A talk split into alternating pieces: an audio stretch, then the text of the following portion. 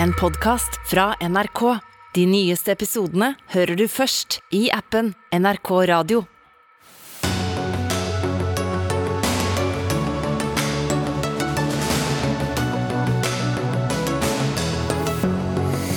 Det som alt eh, var dyrt, er blitt enda dyrere.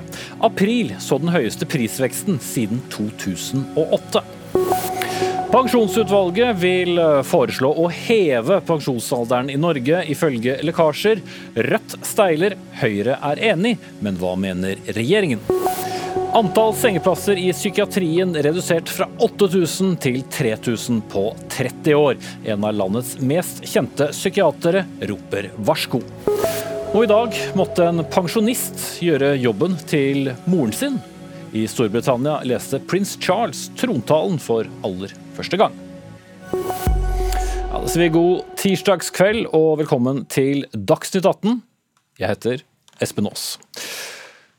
Mange våknet i dag eh, til eh, nyheten om det høyeste inflasjonstallet siden 2008. Eller høyeste økning i inflasjon, for å være helt eh, presis. Fra april til i fjor til april i år har prisen steget i snitt med 5,4% som var langt høyere enn mange økonomer hadde spådd i forkant, og langt over inflasjonsmålet til Norges Bank, som er på 2% Arbeidsledigheten er lav.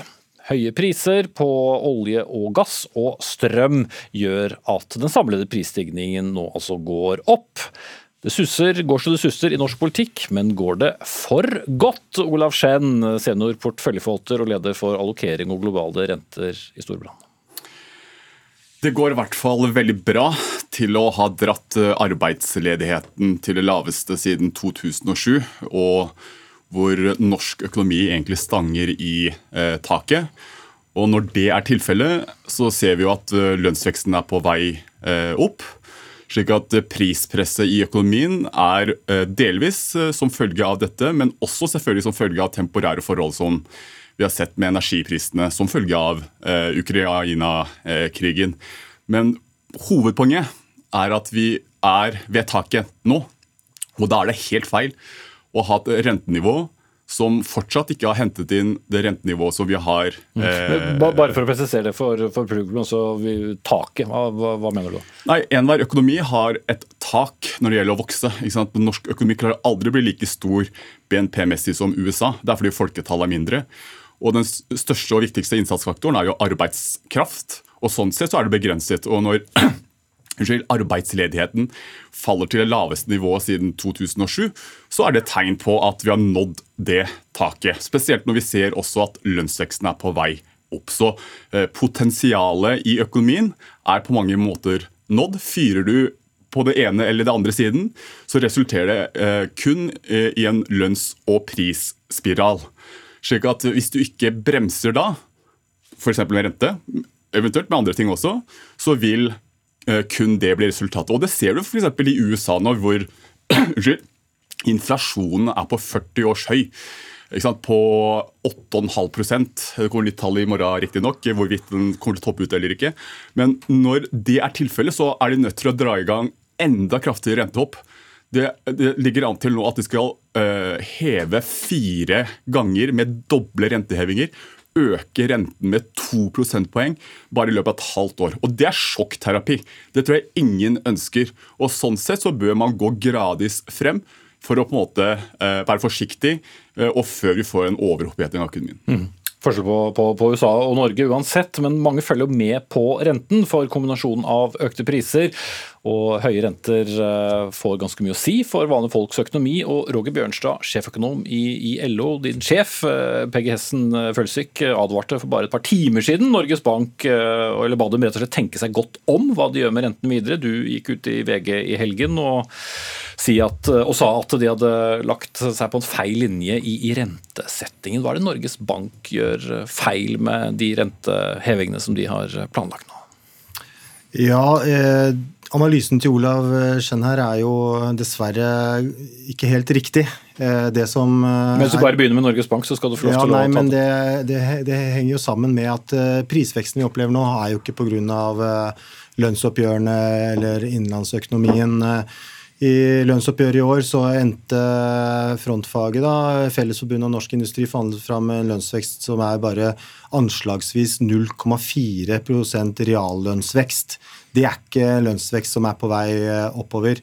Det er eh, strømpriser og internasjonale råvarepriser, og etter hvert så kommer det mer på drivstoffpriser og matvarepriser som bringer eh, prisene opp. Og det er jo ikke noe Norges Bank verken kan noe for eller eh, bør gjøre noe med.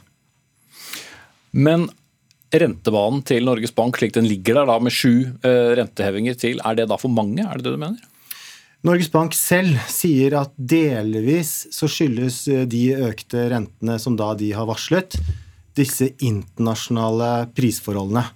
Men så er jeg helt enig i at når vi er i en oppgangskonjunktur, så skal vi ikke ha krisenivåer eh, på rente på nullnivå eh, lenger. Vi skal øke rentene, og vi må også stramme inn i statsbudsjettet når eh, norsk økonomi vokser og sysselsettingen tar seg opp. Mm. Men det ligger under både det du sa i helgen og det Følsvik sier i dag, at Norges Bank skal tenke seg godt om. og Da er det vel underforstått at kanskje ikke det skal gå like raskt som det de har lagt opp til? Nei, det vil jeg advare sterkt mot.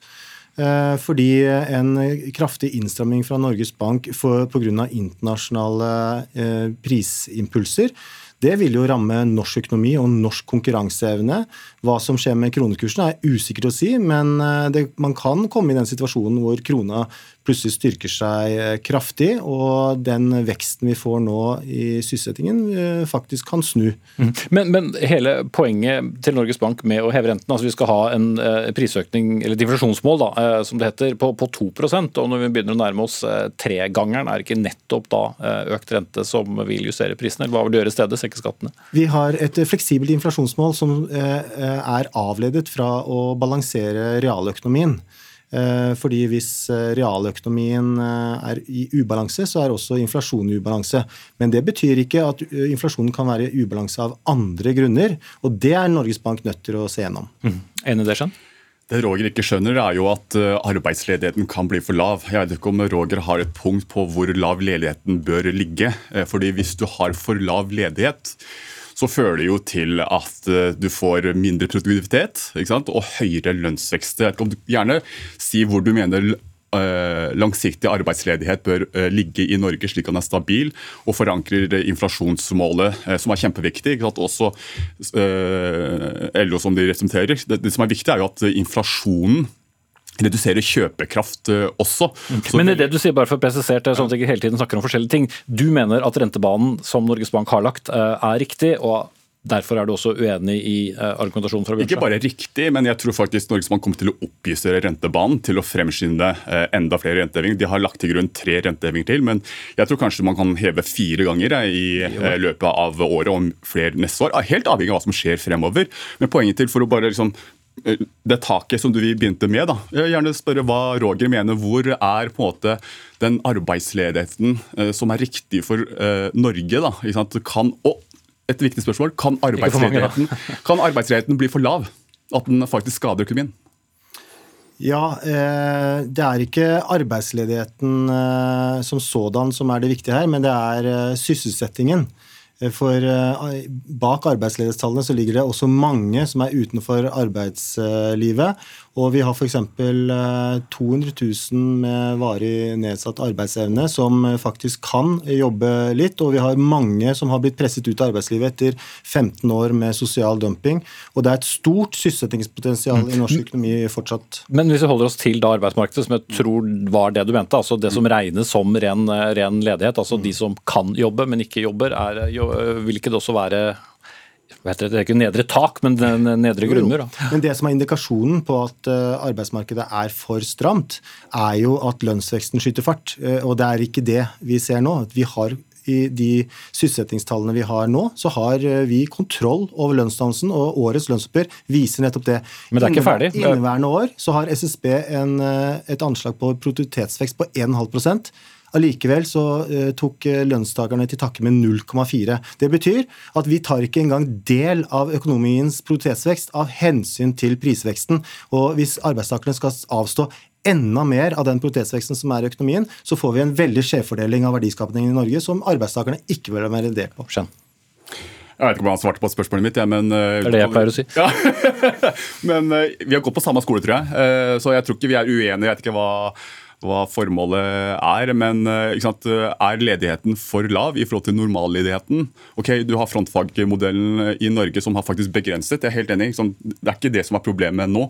Men prissettingen i økonomien det er såpass tegn til overoppheting at jeg tror faktisk risikoen for at inflasjonen kommer til å ta mer av, er eh, høyt til eh, stede. Og Det er det som er viktig for Norges Bank, å forankre inflasjonsforventningene. Fordi Hvis man også mister inflasjonsanker, som vi ser i USA, så vil folk begynne å prise opp eh, pris, eh, eh, prisene i samfunnet enda mer. Og da får det en spiral som er men, men, men, la oss vende tilbake. Altså, hva er alternativet da, til å dempe forbruket til folk gjennom økt rente? Renteheving for å få ned da etterspørselen og dermed prisene?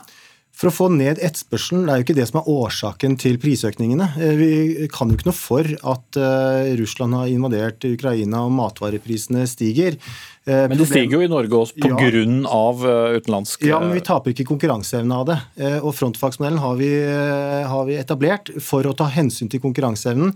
Og da er det arbeidstakerorganisasjonene i, i forhandlinger med arbeidsgiverorganisasjonene som skal bestemme hva som er den riktige inflasjonen, og, eller lønnsveksten, og ikke Norges Bank. Norges Bank skal styre realøkonomien og arbeidsmarkedet, sånn at ikke presset blir for høyt eller for lavt.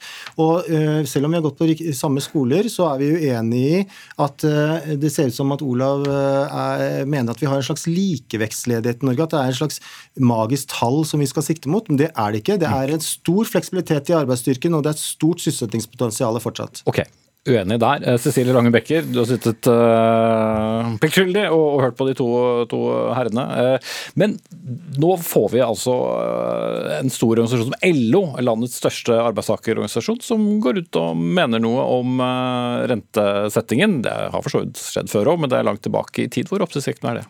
Det er jo litt oppsiktsvekkende. Og så er det jo også, mm, for å liksom, sette litt i kontekst, eh, vi har jo et rentenivå i Norge på 0,75 Norges Bank har jo selv sagt at et nøytralt nivå på renten er 1,7% sånn at alt under 1,7% virker jo fortsatt stimulerende på økonomien. Vi skal opp på et nivå på 2 uh, ifølge rentebanen. Så det er på en måte at man begynner å stramme inn litt etter 1,7% sånn at det, uh, så det kommer kanskje muligens litt tidlig uh, i, i, denne rentehevingsfasen. Så det er kanskje det som er mest oppsiktsvekkende. Og så er det jo så har jo Roger Bjørnstad også fått delvis støtte fra mange økonomer om at akkurat det med den importerte inflasjonen, altså det vi ikke kan noe for, det ikke Norges Bank kan gjøre noe med.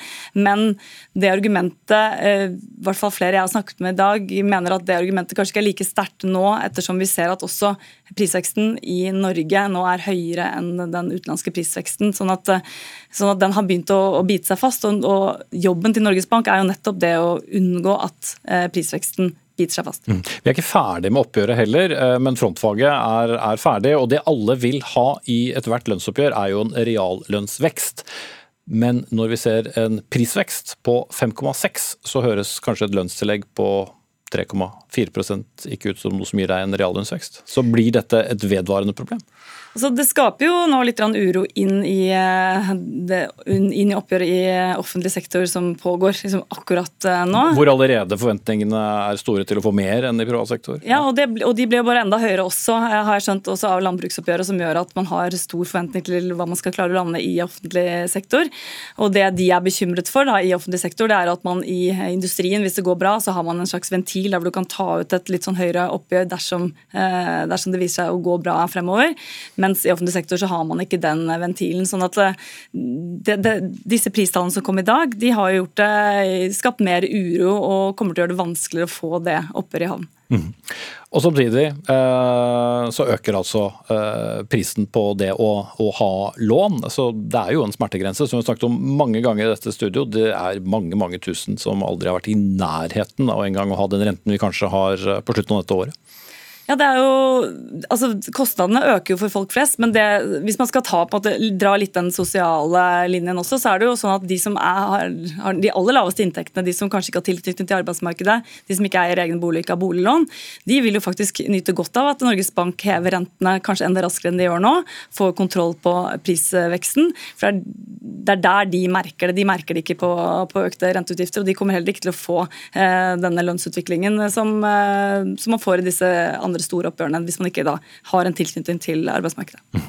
Ok, Vi forventer spenning og se hva slags melding som kommer fra Norges Bank. De var invitert hit i dag, takket nei. Roger Bjørnstad, sjeføkonom i LO. Olaf Skjeden, senior porteføljeforvalter og leder for allokering og globale renter i Storbrann. Og Cecilie Lange Becker, vår egen økonomikommentator.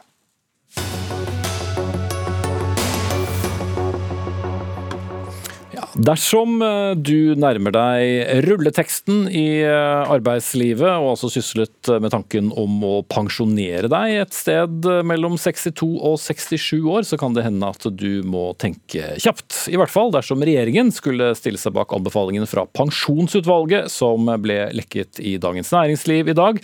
Den endelige rapporten, som er en evaluering av den nå ti år gamle pensjonsreformen, er ventet i juni. Men ifølge avisen så vil altså altså utvalget foreslå en heving av pensjonsalderen. Og Tuva Moflag, stortingsrepresentant fra Arbeiderpartiet, er det en god idé? Først så vil jeg jo si at dette er et er utvalg si. Nei, det er ikke lov å si det. Sist vil jeg si, Espen Aas, at uh, dette er et utvalg som ennå ikke har lagt fram sin rapport. sånn at dette blir jo en debatt ut fra noen lekkasjer som vi har lest i, i DN i dag. Mm. Men, men også noe man kan ha en politisk formening om? Absolutt, uh, men ikke konkludere på før vi har fått sett helheten. For uh, pensjon er jo et stort og komplisert tema, og det er helt umulig å skru på ett parameter uten at det får konsekvenser for mange andre ting. Og Så spør du om aldersgrenser når man da nærmer seg rulleteksten i arbeidslivet. Men den endringa har vi i realiteten gjort allerede. Med levealdersjusteringa så er det jo sånn at vi må jobbe lenger for å få samme pensjon uh, som de som er pensjonister i dag. Mm. Men, men, det går på det økonomiske og hva du sitter igjen med, så det er jo en slags motivasjon da til å ikke pensjonere deg tidlig. Men bør det også settes en annen grense enn i dag, i og med at vi lever lenger? Poenget er jo at det kan være en fordel at disse tingene henger sammen. Sjøl er jeg født i 1979, og jeg må jobbe til jeg er 71 år for å få den samme pensjonsopptjeninga som de som er pensjonister i dag. Og jeg må da jobbe fire år lenger, men i de fire åra har jeg ikke tilgang til sykepenger, ikke til, tilgang til dagpenger, jeg har ikke muligheten til å bli ufør eh, hvis jeg da ikke klarer å stå i jobb helt til jeg er 71. Nei, for, Poenget med det er at eh, hvis du går over det som i dag er pensjonsalderen på 66 så mister du den rettigheten. Det er Helt derfor riktig. det skjer. Men hvis vi øker øvre eh, pensjonsalder på, på 67, så vil du beholde de rettighetene. Så det er et argument for å øke pensjonsalderen? Det er én måte å rette opp noen av de skeivhetene som ligger i pensjonsreformen, som eh, ble vedtatt for elleve år siden, og som nå blir evaluert. Eh, og den økonomiske eh, konsekvensen da, av at vi må stå lenger i jobb, den ligger der allerede med levealdersjusteringa. Skulle man øke aldersgrensene på pensjon, så vil det faktisk føre til større kostnader, nettopp fordi at folk, folk får tilgang til disse mm. rettighetene, og at folk ikke må bli pensjonister når de er 67 men fortsatt kan være uføre. Nemlig. Det var uh, god utgreiing der. Men uh, altså, vi vet ikke hvor høyt uh, dette utvalget vil foreslå å sette aldersgrensen. Men skulle vi f.eks. følge Sverige med, med flytende aldersgrense, så vil pensjonsalderen økes til 63,4 år før førtidspensjon, og 68,6 som da endelig pensjonsalder. Og det er helt vanlig at det er sånne rare kommaregler, fordi man justerer det ut fra forventet levealder. Men Marie Sneve Martinussen, stortingsrepresentant fra Rødt, er dette noe som går hjem hos dere? Nei, de gjør jo ikke det. og Vi mener jo at eh, pensjonsreformen da den ble innført, den eh, ble jo lagd for å spare penger for staten, eh, og det har den gjort. Men regninga har jo blitt betalt av alle dem som ikke kan jobbe lenger når reglene blir endra sånn at du må jobbe lenger. Fordi, fordi noen så er det jo lett å jobbe lenger hvis du har en behagelig jobb i en kontorstol. Mens andre de jobber i barnehage og bærer grinete toåringer i 40 år i arbeidslivet. De klarer ikke å stå like lenge i jobb. Så Derfor så er jo jeg eh, motstander av både denne eh, levealdersjusteringa, som Moflag helt korrekt sier at er en slags, det er en slags eh, insentiv til å stå lenger i jobb. Jeg mener at det skaper forskjeller mellom folk, og jeg mener jo også at isolert sett da, å øke eh, pensjonsalderen vil ha den samme effekten. Jeg mener jo at det både snakk om Men folk bør gå av ved samme alder? Jeg mener jo at folk bør eh, jobbe, og så bør de kunne gå av når de fortsatt har helse til å nyte pensjonstida si. I dag så er det jo sånn at altfor mange, og flere kvinner enn menn, blir ufør før man blir pensjonert. Vi har store forskjeller i hvor lenge vi lever. Vi kan si at ja, i gjennomsnitt så lever vi lengre, men jeg er en motstander av gjennomsnitt, fordi det er forskjell på et yrke som kokk f.eks. lever syv år kortere enn en eh, mannlig lege. Og vi vet at jo eh, høyere lønn du har, jo lengre lever du. Så her er et slags eh, dødens klasseskille der rett og slett gjennomsnittlige levealdersforbedringer ikke Jo, men du nyhet. tilhører jeg på den yrkesgruppen som er veldig opptatt av to tanker i hodet på en gang. Så hvis man både kan legge til rette for at du kan gå av tidligere, men også at fordi yrkeslivet blir jo lettere, vi jobber mindre hardt fysisk nå enn før, i hvert fall nordmenn Snakk for deg selv. Nei, jeg snakker ikke for meg selv, jeg snakker generelt. Eh, så kan man vel også øke eh, taket for når man skal gå av. Jeg sa snakk for deg sjøl, for det er vel det som er poenget. da, At vi har jo eh, noen deler av arbeidslivet som faktisk ikke blir noe lettere. Eh, å jobbe med å vaske gulv, jobbe på anleggsplassene der det er sosial dumping, jobbe i barnehagene. De toåringene blir ikke noe lettere bare fordi de har fått masse moderne teknologi i andre deler av arbeidslivet. Det er fortsatt sånn at okay, mange da- jobber med kroppen sin. Og kroppen du står ved poenget, det var mer det som... da står jeg ved poenget vet det gjør Det blir ikke noe lettere å diskutere med politikere i studio, eller kan jeg love deg. Men Henrik Asheim, nestleder i Høyre, eh, og stortingsrepresentant, det var jo din regjering, eller den du var en del av, da, som nedsatte dette pensjonsutvalget for snart to år siden. Og da regner jeg med at du syns det er en god idé at pensjonsalderen skal opp. Altså, i hvert fall Det som står i mandatet er at de skal se konkret på aldersgrensene. Eh, Man skal også se på minsteytelsene, nemlig hvordan sikrer vi en verdig pensjon for de som må gå av tidlig, eller som ikke har fått jobbet så mye. Men det er jo en grunn til at man sa at man skulle se på aldersgrensene. og Det er jo fordi, akkurat som Tuva Moflag er inne på, vi har jo allerede en mekanisme i pensjonssystemet som gjør at det lønner seg å jobbe lenger, og at du må jobbe lenger for å få full pensjonsopptjening. Men det slutter er vel litt å lønne seg også da når du passerer 67, fordi at du da mister en del rettigheter, som den samme Moflag. Nettopp. ikke sant? Fordi man følger, altså Aldersgrensene følger ikke etter det som vi har sagt at vi vil at du skal gjøre. og Da er spørsmålet skal man også justere aldersgrensene. Og så er det altså slik at Man kan like det eller ikke, men pensjonsalderne er normgivende. Altså Hvis pensjonsalderen første gang kan gå av er 62, så er det mange som vurderer å gå av når det er 62. Hvis den er 63, så vil mange vurdere det når det er 63. Og sannheten er fordi jeg synes det er litt sånn Rødt kan alltid liksom bare sitte og være mot alle mulige ting og si at det er fælt og her er en gruppe som ikke sant? Men jeg gir altså ingenting jeg, for noen som er mot hele pensjonsreformen. For da skal du se ganske mange mennesker i øynene. og Mm. Men vi skal ikke- du gjennomgang av nei, Nei da, det er helt greit, og vi trenger ikke ta en stor debatt om hele reformen. Men det er bare sånn at det vi diskuterer nå er jo en logisk justering av en pensjonsreform som Rødt egentlig argumenterer mot hele pensjonsreformen.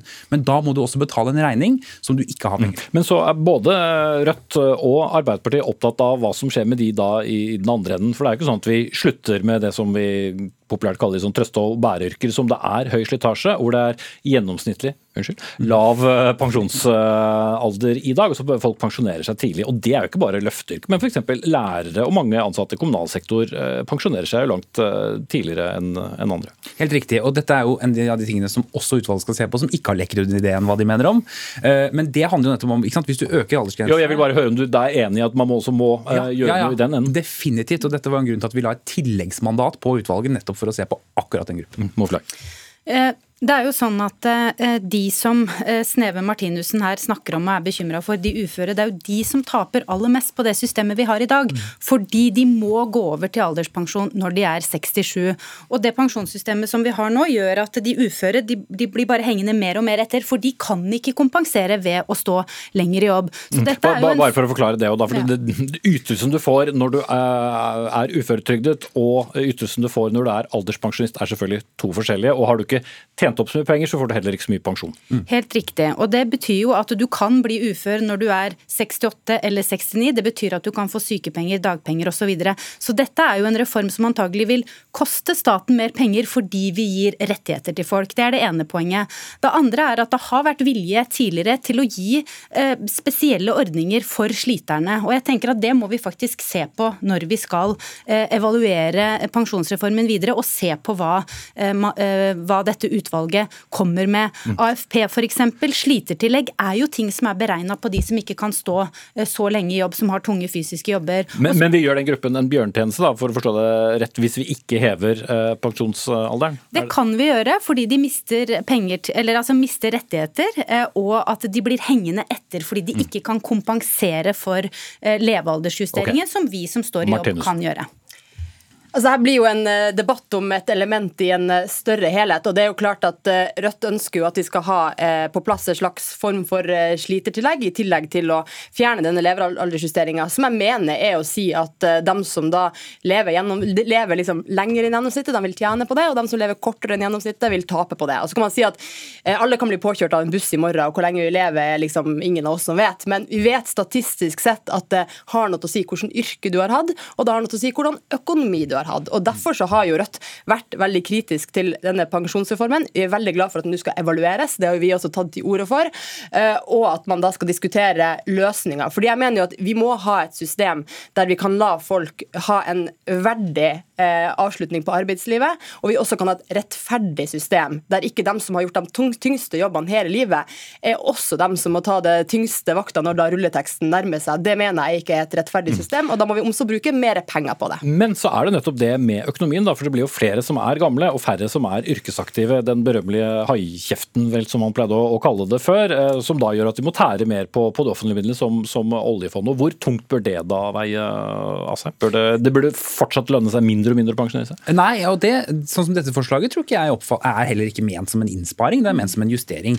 Eh, og pensjonsreformen slik den ble vedtatt, fungerer jo. Folk jobber nå lenger, eh, og det er kjempeviktig både fordi det betyr at du står i jobb, det er bra for din helse, eh, fordi hel- arbeid er ikke bare slit, det er veldig mange som faktisk syns det er en veldig fin del av livet sitt. Og det andre er at det betyr at du er skattebetaler et år til, og det betyr penger inn i kassa. Og det er helt nødvendig for bærekraften, men det er jo også slik, selv om man kan eh, trekke frem grupper som, som sliter, og de skal vi ha respekt for, at stort sett så blir vi friskere, vi lever lenger, vi kan jobbe lenger, og det er et gode for veldig mange mennesker som pensjonssystemet må ta høyde for. Eh, altså, Du skal ikke forskuttere hva dere havner på, men ut fra hva du har sagt i denne debatten til Homoflag, så virker det ikke som Arbeiderpartiet er fryktelig kritisk til å, å heve eh, pensjonsalderen. Nei, Vi er jo eh, tilhenger av et system som er sosialt og økonomisk bærekraftig, og som sørger for at du får rettigheter som står i stil med de kravene vi stiller til deg i, i arbeidslivet. Men å konkludere før vi har sett rapporten, det gjør vi selvfølgelig ikke. Men å ta inn over oss at vi har fire yrkesaktive per pensjonist i år, og at det er to i 2060, det må vi ta høyde for. Vi må ha et pensjonssystem som er sosialt bærekraftig også for unga våre, ikke bare for oss som er i arbeidslivet i dag. Vi kan i hvert fall diskutere disse tingene mange tiår til før eh, noen av oss eh, er pensjonister. Gjelder det meg selv? Ja, det gjelder meg selv også. Tuva Moflag, stortingsrepresentant fra Arbeiderpartiet. Marie Sneve Martinussen, stortingsrepresentant fra Rødt. Og Henrik Asheim fra Høyre.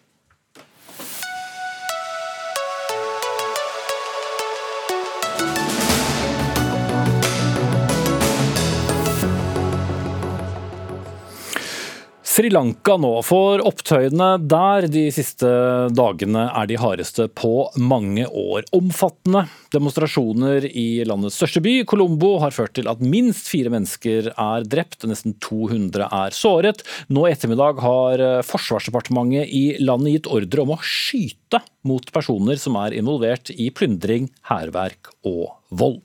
Landets eh, statsminister Mahinda Rajapaksa har gått av og flyktet etter at demonstranter angrep hans bolig. I tillegg ble faktisk en parlamentariker funnet død etter at han skjøt mot demonstranter og drepte to av dem. Ifølge kilder skal han ha tatt sitt eget liv. Øyvind Fuglerud, professor i sosialantropologi ved Universitetet i Oslo. Voldsomme demonstranter med voldsomme, demonstrasjoner med voldsomme følger. Hva, hvorfor har vi havnet her?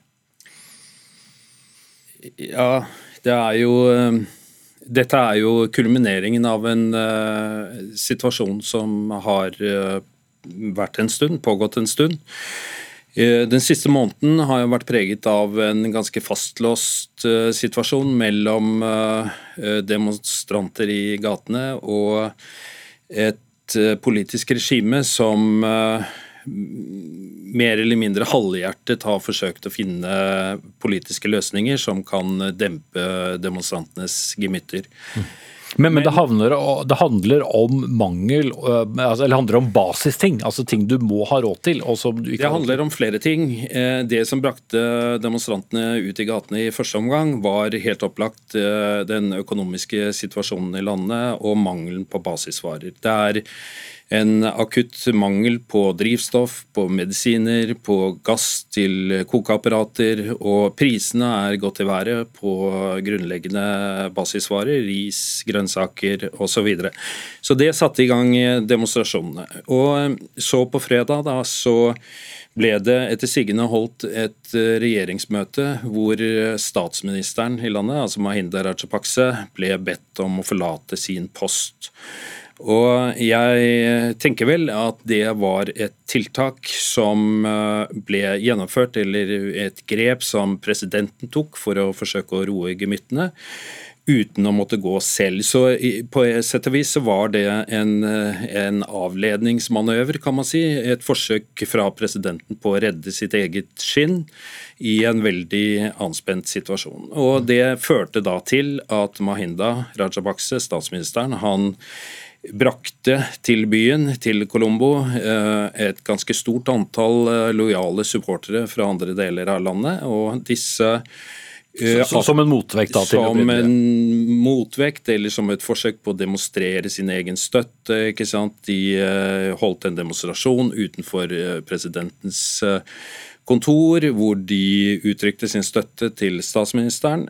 Men derfra så gikk de da til angrep på de fredelige anti-regjeringsdemonstrasjonene som pågikk. Og Det var det som da fikk eh, situasjonen til å eskalere i går.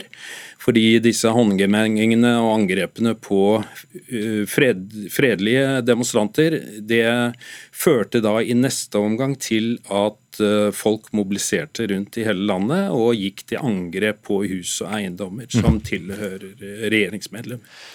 De som hørte deg snakke nå, la kanskje merke til at det var to fremtredende politikere som har samme navn, for eh, det er president og statsminister som er brødre. Og selv det eh, er jo også en kime til, til konflikt. Det er det, fordi at president eller statsministeren, Mahinda Rajapaksa, er jo på en måte overhodet for klanen Rajapakse. Og Mahinda, som nå gikk av som statsminister, har jo selv da sittet som president i to perioder. Han ble valgt i 2005, ble gjenvalgt i 2010. Eh, men kunne ikke velges for en tredje periode pga. grunnlovens utforming. Og det var det som da gjorde at hans yngre bror, Gotabay Rajapakse, ble vel på sett og vis valgt av familien som en kandidat eh, til presidentposten siden Mahinda ikke kunne stille igjen. Og, og ble valgt da i 2019. Eh, slik at det er en relativt anspent eh, situasjon kan man si, mellom Mahinda Rajapakse, den avgåtte statsministeren, som er den sterke mann, familiens overhode, og uh, hans yngre bror, som da sitter med den formelle makten. Mm. Vi ser vel kanskje ikke noen umiddelbar utgang eh, ennå, men i hvert fall, eh, som jeg nevnte innledningsvis, så har i hvert fall Forsvarsdepartementet gått ut med advarsler om å, å la dette eskalere. Takk skal du ha, Øyvind Fuglerud, professor i sosialantropologi ved Universitetet i Oslo.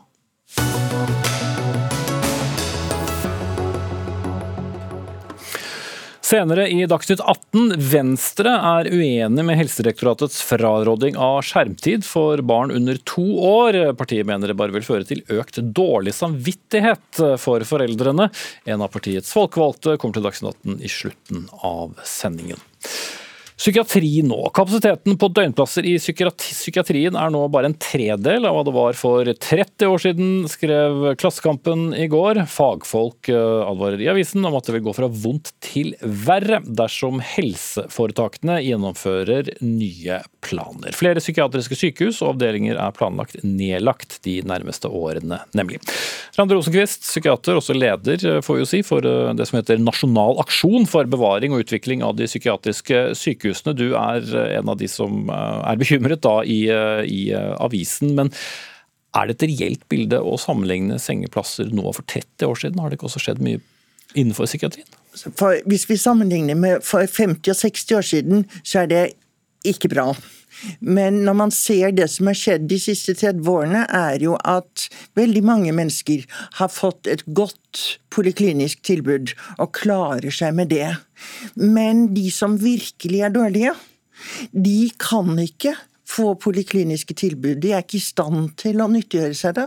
Og vi har kommet forbi en minstestandard for de virkelig syke. Mm. Så de trenger flere sengeplasser enn det vi har tilby? det du mener? Ja, vi, vi, på, vi har underkapasitet på psykiatriske sengeplasser nå. Fordi at eh, sengeplassene de håndterer akutt uro, og så skriver de ut igjen. Men hvis pasienten virkelig er dårlig, så trenger han veldig mye mer enn håndtering av en akutt uro. Mm. Og det koster mer penger jo lenger man er inne. Det koster nok mer penger, men jeg syns man skal se på det samfunnsøkonomisk. Det er klart at for helseforetakene, som finansierer eh, sengeplassene, så koster det mer penger. Men for samfunnet som helhet så er det ikke lønnsomt å skrive ut pasienter som ikke klarer seg hjemme, mm. og hvor kommunen driver seg i håret og ikke vet hva de skal gjøre, og hvor det blir reinnleggelser, for ikke å snakke om hva pårørende. Jeg får nesten ukentlige telefoner fra pårørende som sier de er så fortvilet, for de veldig syke pasientene får ikke hjelp. Mm. Det var din situasjonsbeskrivelse. Vi ringte Helse- og omsorgsdepartementet og inviterte ansvarlig statsråd. Hun hadde ikke anledning, men Cecilie Myrseth, stortingsrepresentant og helsepolitisk talsperson fra Arbeiderpartiet. Er dette også villet politikk, eller er det helseforetakene som, som regner det slik? Det har jo over tid vært en villa politikk å bygge ned, og flere skal over i poliklinisk behandling, som jo Rosenquist helt riktig sier. Men eh, Arbeiderpartiet har i hvert fall kommet til den erkjennelsen eh, at eh, dette har gått eh, altfor langt. Det har også regjeringa gjort. Derfor står det jo veldig tydelig i plattformen at den nedbygginga nå må stanse. Eh, og det, vi får jo altfor mange beskrivelser av eh, situasjoner, eh, pasienter, pårørende som ikke får det man trenger. Og psykisk helse generelt har jo vært prioritert prioritert altfor lavt. Mm. Eh, Men er det da en, eh, en marsjordre til helseforetakene om å ikke legge ned flere eh, døgnplasser og erstatte dem med dagtilbud? Ja, Det er jo en marsjordre nå fra regjeringa og helseministeren om å prioritere psykisk helse, også døgnplasser, hvor man også skal øke aktiviteten, ikke bare eh, poliklinisk, men også døgn. Eh, og I motsetning til den forrige regjeringa, har man også lagt til nå at man ønsker eh, aktivitetsvekst også innenfor mm. døgn, ikke bare poliklinisk. og Man skal måle begge deler. og det tenker jeg det er viktige signaler, så får man ikke snu alt på men, kort eh, tid. Som du også vel peker på i dag i artikkelen i Klassekampen, så er jo fortsatt planene at det skal legges ned flere altså, sengeplasser. De, de, psykiatriske sykehusene som ble bygget for 100 år siden, ble jo bygget på tomter langt utenfor byen. Nå blir, eller byene. Nå blir disse tomtene ganske attraktive. Og fordi at byen har vokset, og helseforetakene vil selge dem for å finansiere nye somatiske sykehus. Og så skal psykiaterne få avdelinger på somatisk sykehus. Og det er helt greit hvis det er meningen at pasienten skal være der i fem dager i en akuttsituasjon hvor pasienten også trenger å bli sydd på kutt eller kontrollert et eller annet på, på, forgiftning. Men hvis en pasient skal være, eller bør være, tre måneder eller et år, så kan man ikke plassere vedkommende på en somatisk sykehus. Mm. Og disse tomtene de er jo kjempeverdifulle for psykiatriske pasienter. For psykiatriske langtidspasienter trenger ro og luft og natur. De trenger noe helt annet enn en seng i et sykehus. Mm. Uh, ja, Det ble forsøkt svar på noe jeg ikke egentlig spurte om, men å stille til deg, Cecilie Myrseth. Hvis det da er helt konkrete planer om å kutte senger videre nå hos helseforetakene, mm hva gjør dere med det? Skal de først kuttes, og så skal de økes igjen? Eller hva Nei, nå har vi, altså, Jeg har jo forventning om at eh, foretakene eh, også forholder seg til det som kommer av bestillinger fra, fra regjeringa. Men så, når vi snakker om de prosjektene, det er jo blant det, jeg tipper jo at det også er eh, OUS og sykehuset her i Oslo man også tenker på, tenker på da. og også flere, det, det skjønner jeg. Men, men, jeg tenker, men, jeg tenker, bare at det er jo også ulike meninger på om det er bra med samlokalisering sammenheng mellom psykiatri og, og, somatikk. Og jeg har full forståelse for de argumentene om at man, eh, pasienter som skal være lenge inne, eh, har behov for de grønne lungene og, og plass for, for det. Eh, men det er også sånn at eh, alvorlig eh, psykisk syke pasienter eh, har jo også generelt også dårligere, dårligere helse, lever kortere enn andre. og har også behov for, for somatiske tilbud. Men f.eks. Her, i, her i Oslo, når det kommer nye nye OUS, som har vært veldig mye diskusjon også etter studio tidligere, så øker man jo f.eks. antall sengeplasser nå når man eh, bygger nytt, fremfor at man har eh, samla eh, Man har tilbud til psykisk helsevern i Oslo i dag på 40 ulike steder. Jeg, tror, også, jeg tror, jo også det har en positiv effekt, men så må vi også selvfølgelig ta inn over oss at de alvorlig syke, psykisk syke pasientene som skal være inne lenge, trenger noe annet enn både de som er lavterskel, eller de som okay. er, skal være kort tid inne. Eh, så vi må klare å se, eh, se alle. Men disse planene på Aker sykehus, da, som du tydeligvis syns er bra, å samle psykiatrien der i Oslo, det er jo vegg i vegg, eller eh, gjerde i gjerde med, med, Norges største rundkjøring.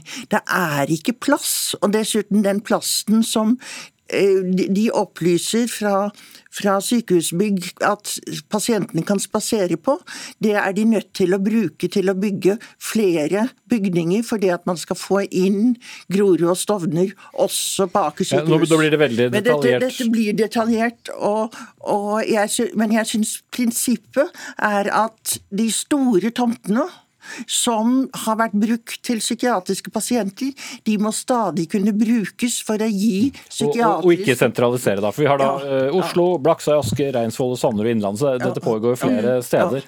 Ja, eh, også Det som man også kjennetegner mange av de plassene hvor man tilbyr behandling, er jo at de er, det er veldig gamle bygninger. De er kjempe, kjempegamle.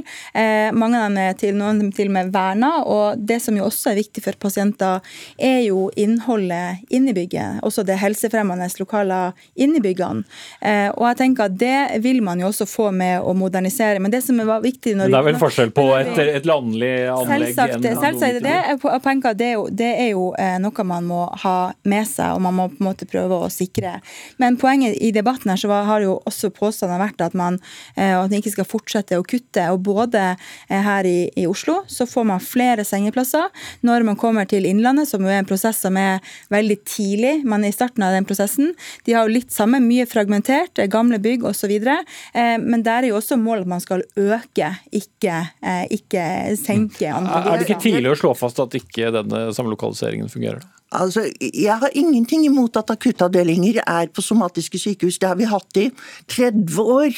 Men poenget er at langtidspsykiatrien blir nedprioritert. Og langtidspsykiatrien trenger noe helt annet enn en sykehusseng i fjerde etasje i et somatisk sykehus. Hvis man ser f.eks. Veum sykehus utenfor Fredrikstad, som var et nedslitt sykehus, ja, men det ble nå solgt for å bli, bli sånn fine boliger. Mens Kalnes-sykehuset, der er det overbefolket og for trangt, og pasientene må lufte i små luftebalkonger. Mm. Ok, Jeg tror vi har, har poenget, og du ville sikkert svart også på det nå, Cecilie Myrseth, men jeg må takke dere. Du er stortingsrepresentant fra Arbeiderpartiet og helsepolitisk talsperson, og Randi Rotens Rosenquist er altså leder for Nasjonal aksjon for bevaring og utvikling av psykiatriske sykehus, i tillegg til å være psykiater.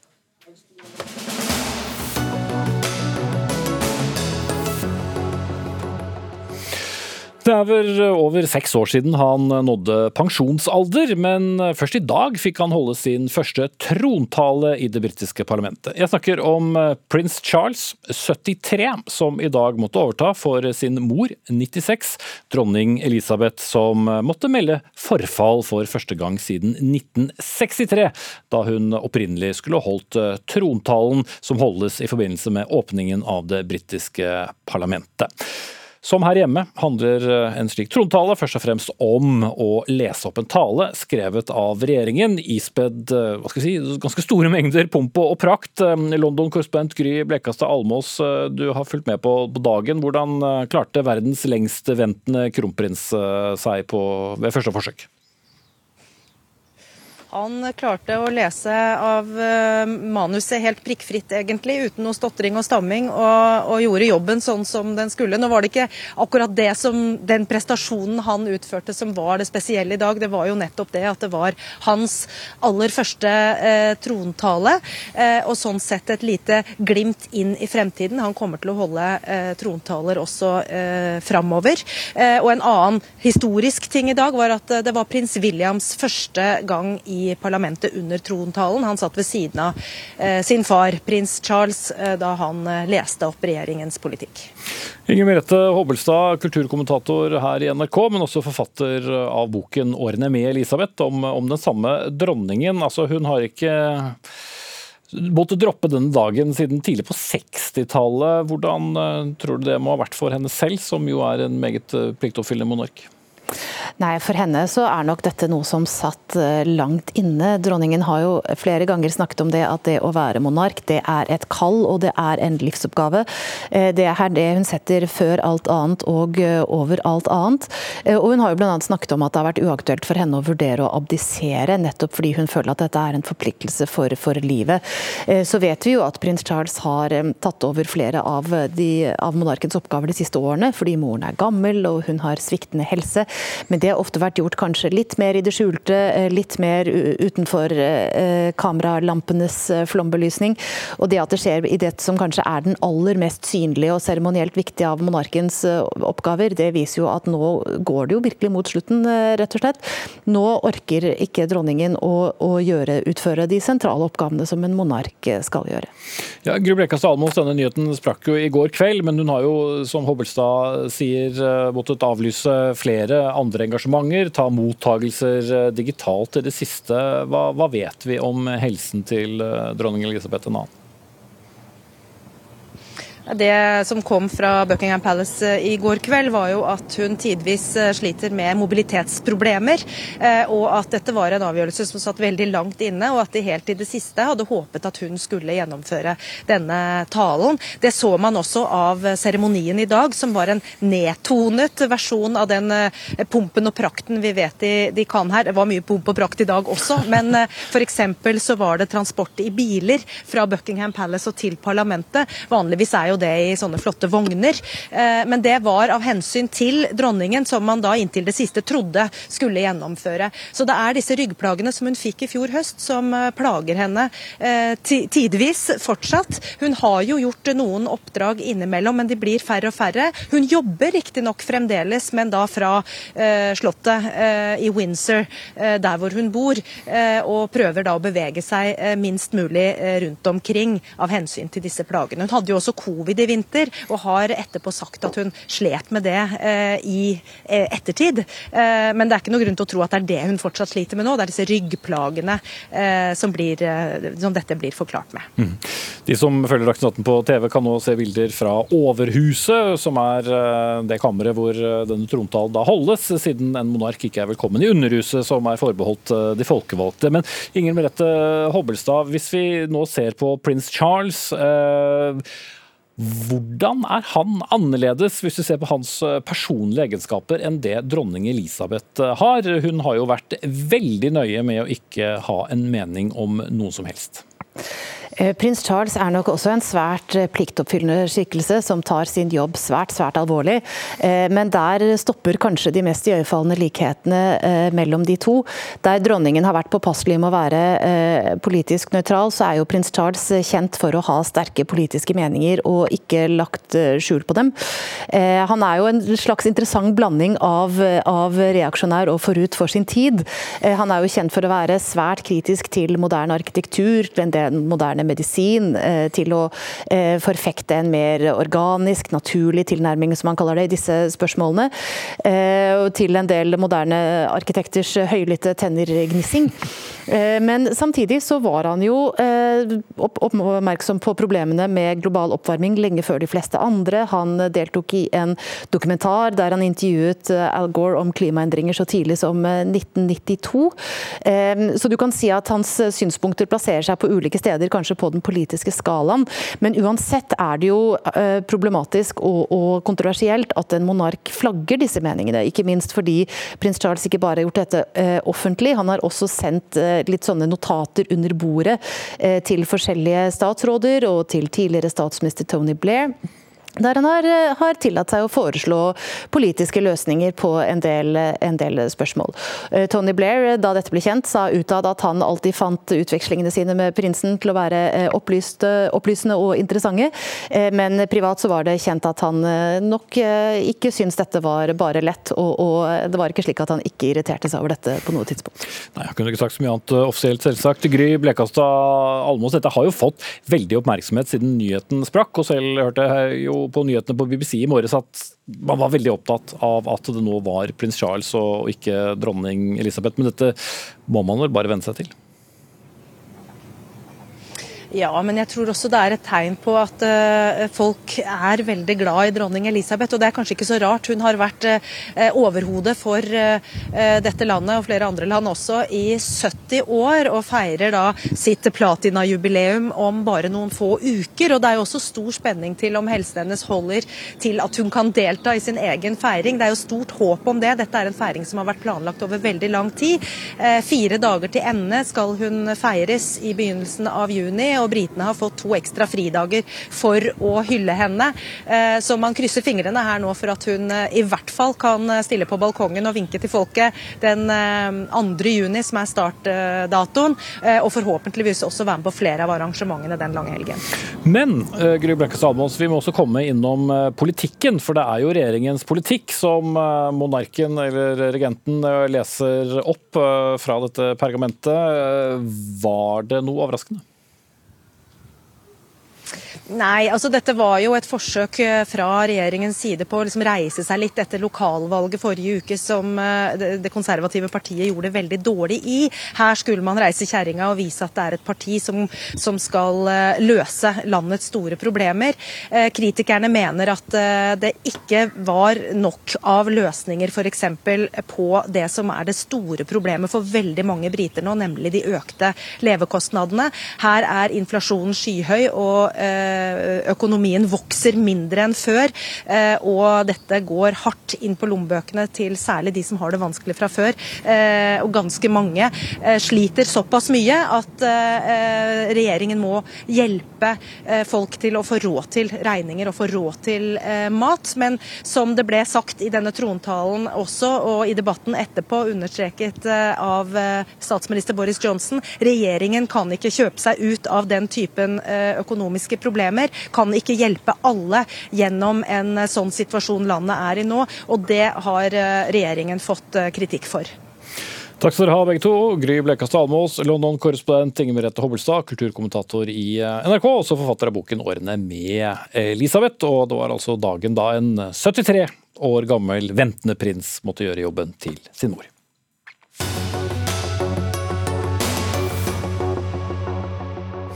Så skal vi snakke om eh, skjermbruk og gårsdagens advarsel fra helsemyndighetene.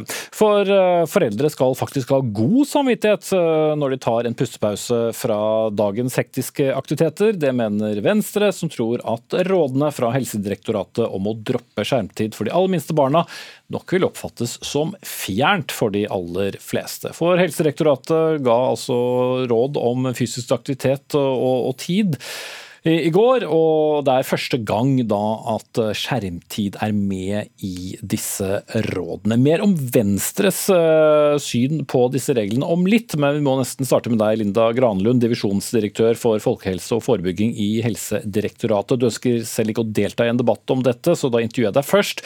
Men hva er grunnen til at man først i 2022 har med råd om skjermbruk eh, når det gjelder råd om fysisk aktivitet og, og hvile? Nei, Man kunne jo kanskje sagt at dette burde vi hatt med for lenge siden. Men nå har vi i alle fall oppdatert eh, rådene våre for fysisk aktivitet og tid i ro, og basert de på de rådene som har kommet fra Verdens helseorganisasjon. Eh, og Der har man sett på kunnskapsoppsummeringer og, og sett at eh, skjermtid kan føre til en del uheldige helsekonsekvenser. Og at det faktisk stjeler tiden som barn og unge heller kan være i fysisk aktivitet.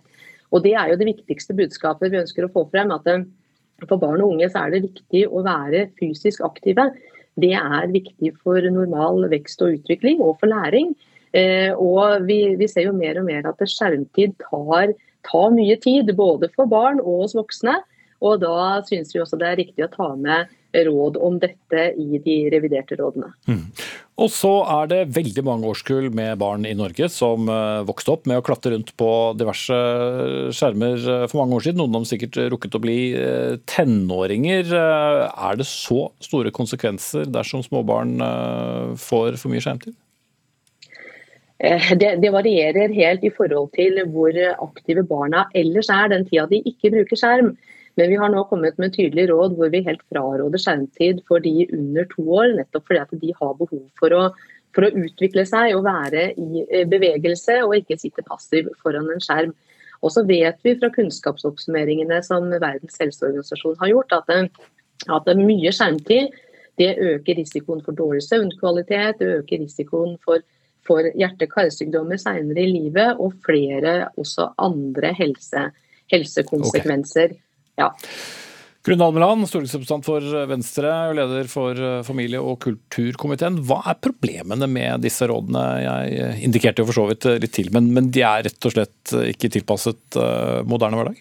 Nei, det mener jeg ikke. Jeg hadde jo kanskje forstått disse rådene litt bedre hvis de hadde kommet for en stund tilbake, når man eh, hadde mindre kunnskap om skjerm og visste mindre om liksom, de ulike brukene også skjerm, eh, skjerm kan, eller ulike måtene skjerm kan brukes på i dag. Men hovedproblemet med rådene sånn som de er, er jo at de er ganske virkelighetsfjerne fra folks hverdag. Uh, og jeg tror de bare bidrar til én ting, og det gir veldig mange foreldre dårlig samvittighet. Så det jeg heller skulle ønsket meg, var jo råd om hvordan man kunne bruke skjerm på riktig måte. Fordi jeg betviler jo ikke det kunnskapsgrunnlaget som Helsedirektoratet her også viser til, at for mye skjermbruk kan potensielt være skadelig, og spesielt i de situasjonene der det eh, tar tid man ellers skulle vært fysisk aktiv. Men, Men null, skjerm, null skjermtid for de under to år? Ja, og det er det jeg mener er, er i særdeles grad ganske virkelighetsfjern. For vi ser at foreldre i dag eh, Er du alene hjemme med barnet, så er det situasjoner der du trenger f.eks. å få laget middag, tatt deg en dusj, og da er jo skjermen også et virkemiddel i så måte. Mm. Og så opplever jeg også... Det kunne hende man kunne funnet på noe annet òg? Eh, absolutt, men litt, det er jo også litt vanskelig det når du står og skal, er opptatt og skal lage middag, f.eks. Og jeg tror ikke de ti minuttene du kanskje skal prøve å få gjort noe annet husarbeid, jeg tror ikke det er de ti minuttene man her eh, ønsker å, å, å virkelig reagere på. Det er jo de situasjonene der vi ser at barn blir passive fordi de ikke får aktivitet i hele tatt. Og det er de nyansene her jeg mener vi mister. Men når helsemyndigheter kommer med klare råd, burde ikke da politikere også følge opp og si eh, hør på helsemyndighetene, men her går du egentlig litt imot?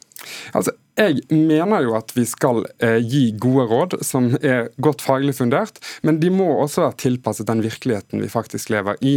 Og Det er det her jeg mener vi da absolutt feiler. Eh, fordi mister, altså Det er en rekke nyanser man, eh, man, mister her når man har en sånn forenklet skjematisk oppstilling eh, av rådene. For så er jo eh, det masse skjermbruk i dag det, som kan være ganske aktiv, der man kan eh, sitte sammen med barnet sitt og lære å lese, den type ting. Og jeg tror ikke det er det man vil til, til angrep på. Det er den passiverende skjermtiden vil man vil til livs. Eh, men jeg tror å gi foreldre gode råd som hjelper dem til å navigere dette, ikke bare fordømme og moralisere, det tror jeg vil hjelpe. Mm. Ja, Du vil som sagt ikke debattere dette, Linda Granlund, men jeg syns faktisk du skal få lov til å, å kommentere påstanden om at dette er litt virkelighetsfjernt til slutt her. Ja, jeg ønsker ikke å debattere med, med Venstre om dette, men hvis man leser rådene våre, så ser man at det vi er ikke fanatiske her, men vi, vi prøver å, å, gi en pekepinn på, på hvor man må, være hen når det gjelder skjermtid, og at det må tilpasses også aktivitetsnivået til barna. Og da ser man at For barn mellom 6 og 17 år så sier vi at man skal begrense passiv skjermtid. Og Vi er også klar over at barn og unge lever i en digital verden, og de er avhengig av å ha digital kompetanse for å få jobbe senere. Eh, men det er den passive skjermtiden vi mener at man bør begrense. Mm. Eh, så, og Vi som fagdirektorat eh, er, må gi råd basert på oppdatert kunnskap.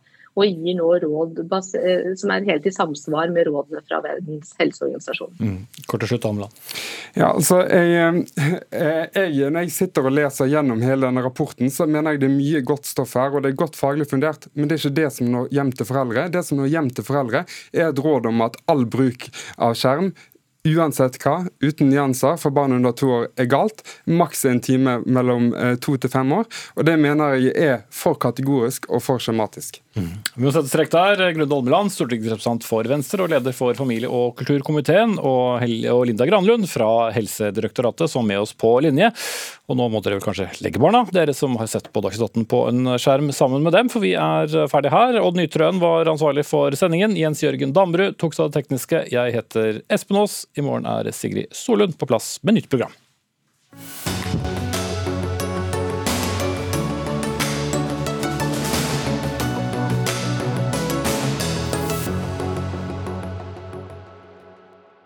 Du har hørt en podkast fra NRK. De nyeste episodene hører du først i appen NRK Radio.